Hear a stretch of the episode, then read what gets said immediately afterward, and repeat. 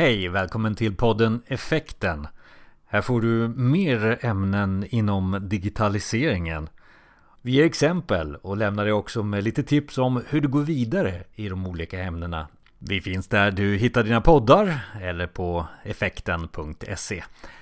Ämnen som jag kan tipsa dig om just nu är test i en agil miljö. Vi pratar också gamification, GDPR framtidens marknadsföring och en del andra saker också förstås. Så besök oss där på effekten.se. Och nu vidare till eh, ett avsnitt om Machine Learning, IoT och säker säkerhet.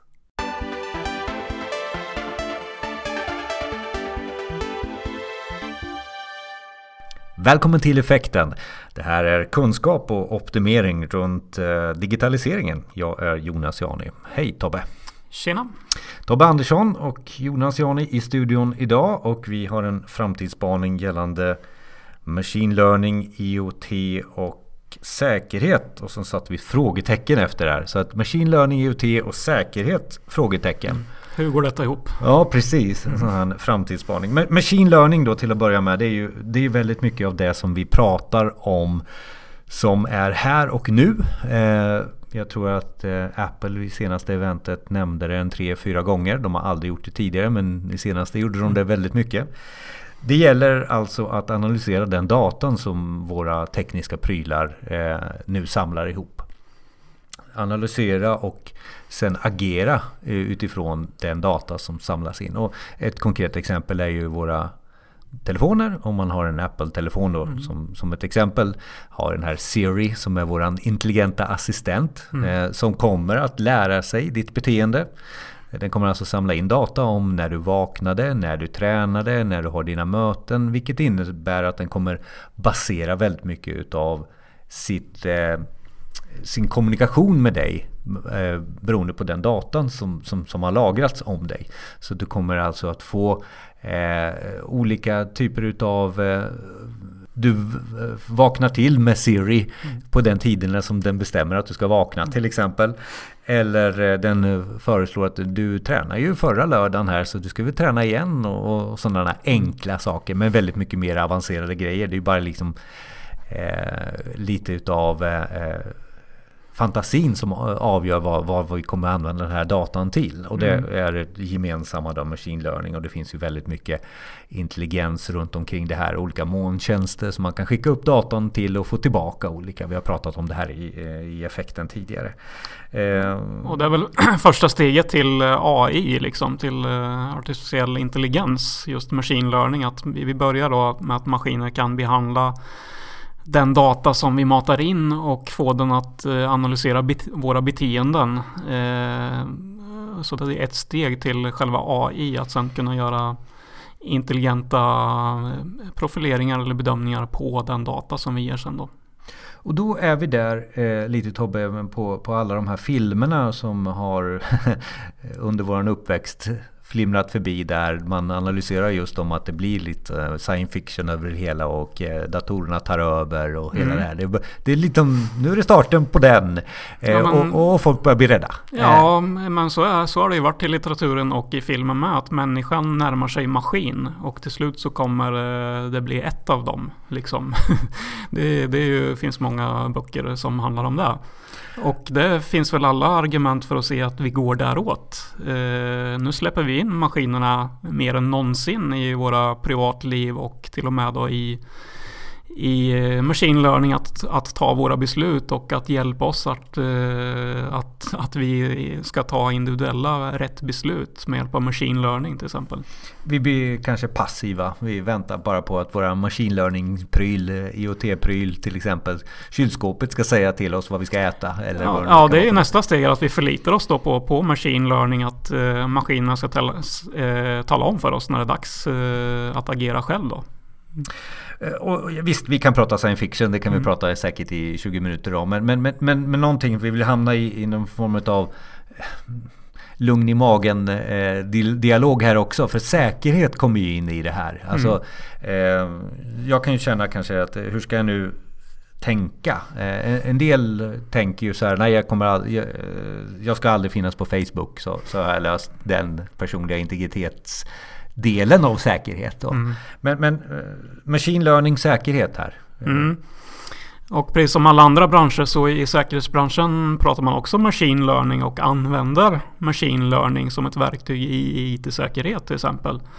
Eh, vi vill kunna fatta beslut eh, baserat på användarnas beteende kanske eller analysera nätverkstrafik utifrån just eh, eh, beteende, rörelsemönster för att identifiera onormala mönster eller onormala beteenden.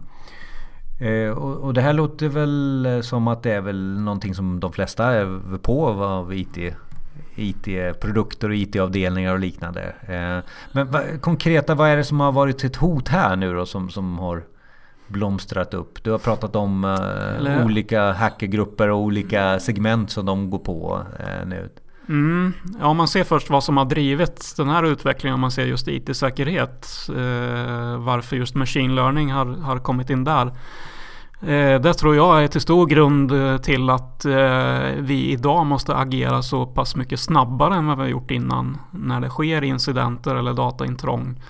Så att de gamla verktygen vi har haft med att detektera intrång och, och så vidare och ha en hel process för det, det går för långsamt.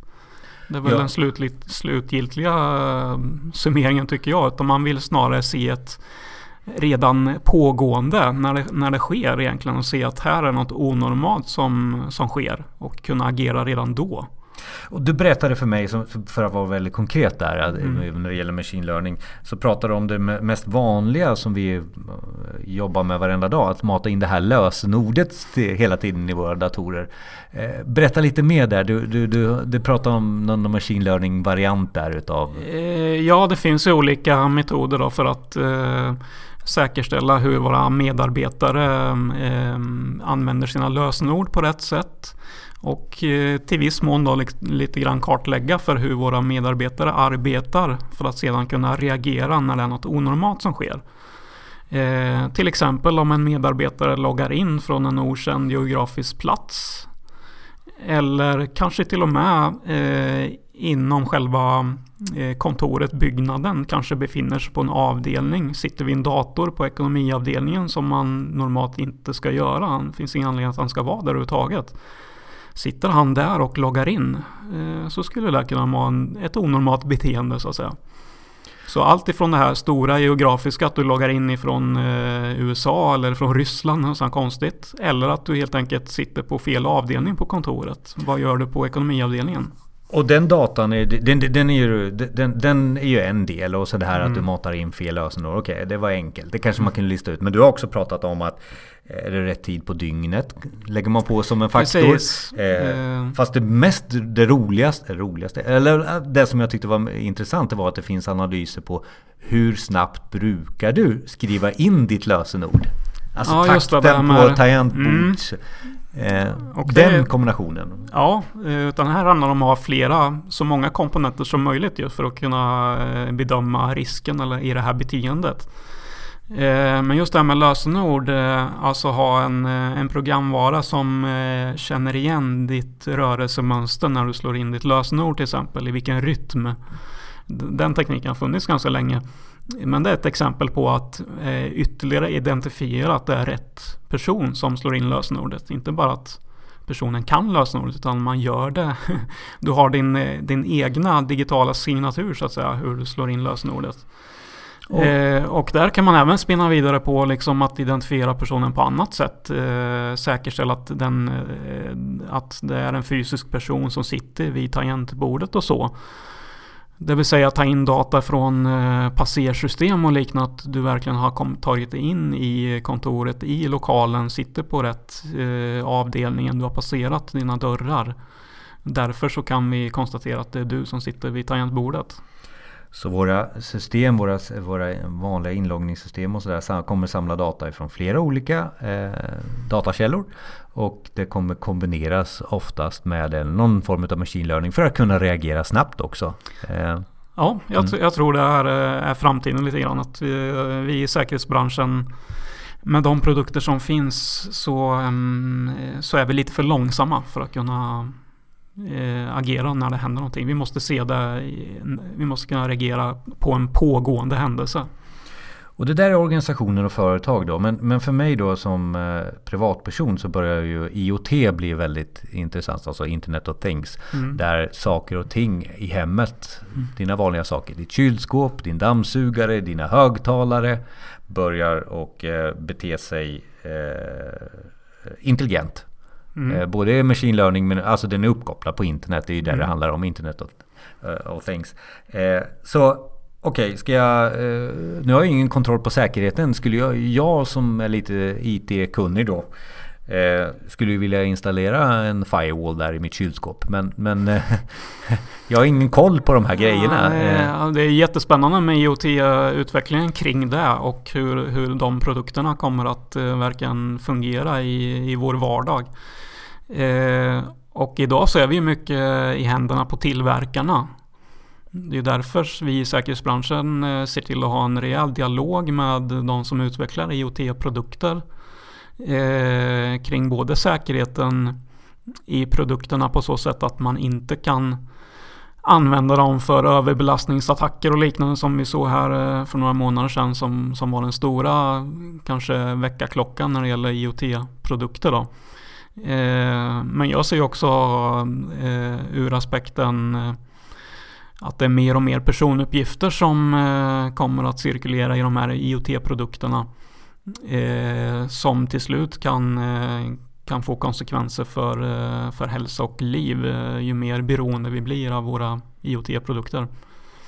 Men, men, vad menar du? Ska jag inte köpa det här kylskåpet idag? Eh, för att det är inte säkert? Eller ska, vi vänta, ska jag vänta några månader? eller vadå? Eh, nej, alltså, som jag säger, tillverkarna har stort ansvar här kring det och eh, det efterlyser ju lite standarder i branschen kring säkerhet inom IoT-produkter. Man har pratat kring certifieringar av IoT-produkter. Precis på samma sätt som man certifierar elektronikprodukter, att de är, är säkra att använda i vårt elnät. Så skulle man ju tänka sig en motsvarande certifiering av IoT-produkter, att de är säkra att eh, koppla upp på internet.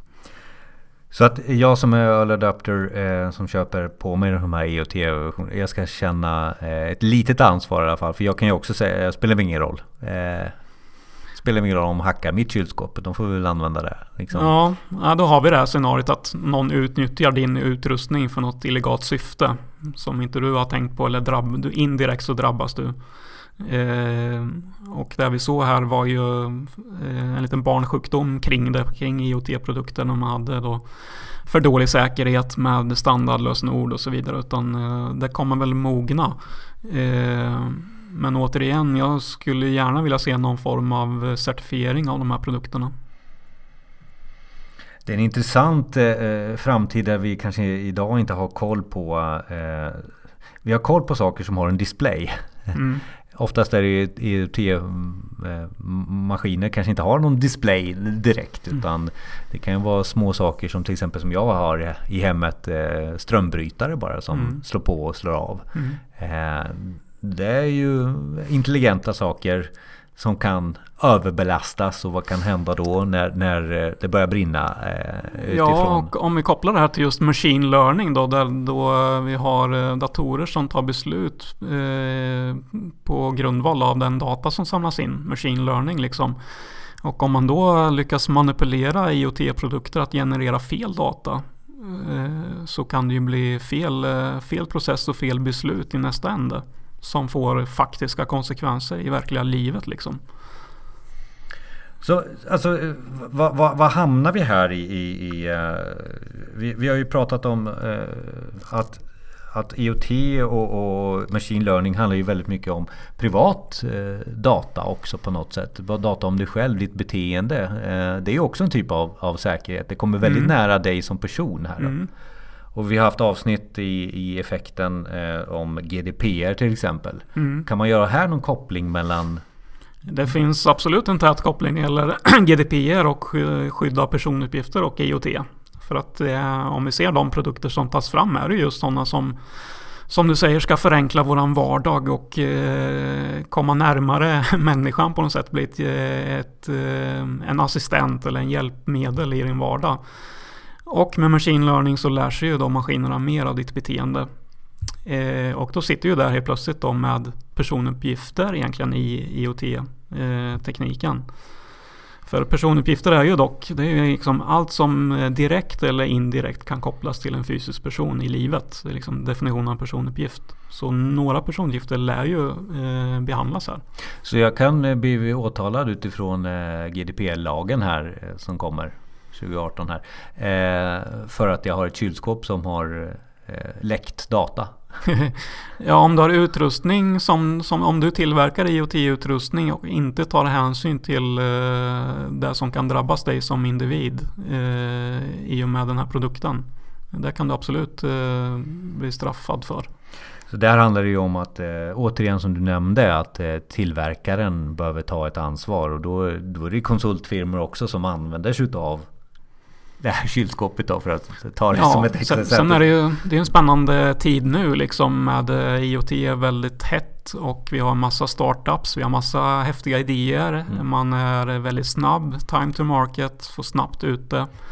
Eh, och då kanske inte säkerhet kommer på den första, första priot utan det är väl en hel del produkter som, som fokuserar mer på att snabba ut. Kommer på tredje iterationen kanske? Ja, ja det är en mognadsprocess tror jag nu på några år innan det här kommer att eh, stabilisera sig. Du säger år? Ja, ja det tror jag väl innan man har fått någon sorts branschstandard kanske kring hur det här ska se ut. Så du, du vill ha någon form av certifieringsstandard, eh, någon stämpel på att den här är säker IoT? Eh, ser du, ja. sånt, ser du sådana tendenser i, i, i säkerhetsbranschen? Ja, jag vet ju att man diskuterar det i branschen, de som tillverkar IoT-produkter och de stora leverantörerna kring det. Men det är ju ett stort arbete i sig att kunna, kunna göra det och på vilka parametrar ska man mäta det att det är en säker produkt. Eh, det är klart det finns mycket att diskutera där kring det. Men, men jag tror det är ett nödvändigt att vi har ett gemensamt synsätt på säkerhet kring IoT-produkter. Machine learning eh, vi pratar IoT och vi pratar säkerhet i en och samma, eh, eh, samma mening egentligen här. Eh, och det är intressant när vi ser att de stora företagen som Apple eh, som Microsoft, eh, som IBM eh, mm. går framåt med, med machine learning ganska så offensivt just nu mm. som ett säljargument för deras konsumentprylar också. Så, så vi har en intressant balans framför oss att ta hänsyn till. Ja, och vi har hela bilindustrin, vilket också de befinner sig i en enorm resa eh, utifrån deras utveckling. Eh, både att personifiera sina, sina bilar eh, till individen eh, och att kunna samla, samla på sig så mycket eh, data om, eh, om föraren som möjligt för att kunna leverera bästa produkt. Liksom. Eh, och det, det gör ju sig eh, en möjlighet till machine learning att kunna göra individuella bedömningar kring till exempel i bilfallet av vem det är som kör bilen, hur man kör bilen. Eh, vad brukar du snitta i, eh, i bensinförbrukning när du kör kontra när jag kör till exempel. Eh, eller hur många hårda inbromsningar gör du kontra mig eh, och sådär. Det är intressanta uppgifter som man skulle kunna någon kunna behandla och göra något, någon, någonting av det. Vi pratar om machine learning och IoTs och säkerhet, inte något som något ont Även om det kanske kan nämnas som så eh, här i någon science fiction. Eh, så, utan det finns väldigt mycket gott också runt omkring det här. Eh, säkerheten kan eller kommer att bli bättre. Eh, vi pratar om att hitta realtidsdata för att vi ska bli bättre som mm. människor också. Så. Mm. Eh, äta nyttigare, träna bättre, eh, köra mer miljövänligt mm. etc. Mm. Eh, jag tror att vi har en intressant framtid framför oss helt mm. enkelt. En framtidsspaning här från Effekten. mer avsnitt finns på effekten.se. Tack Tobbe. Mm, tack tack.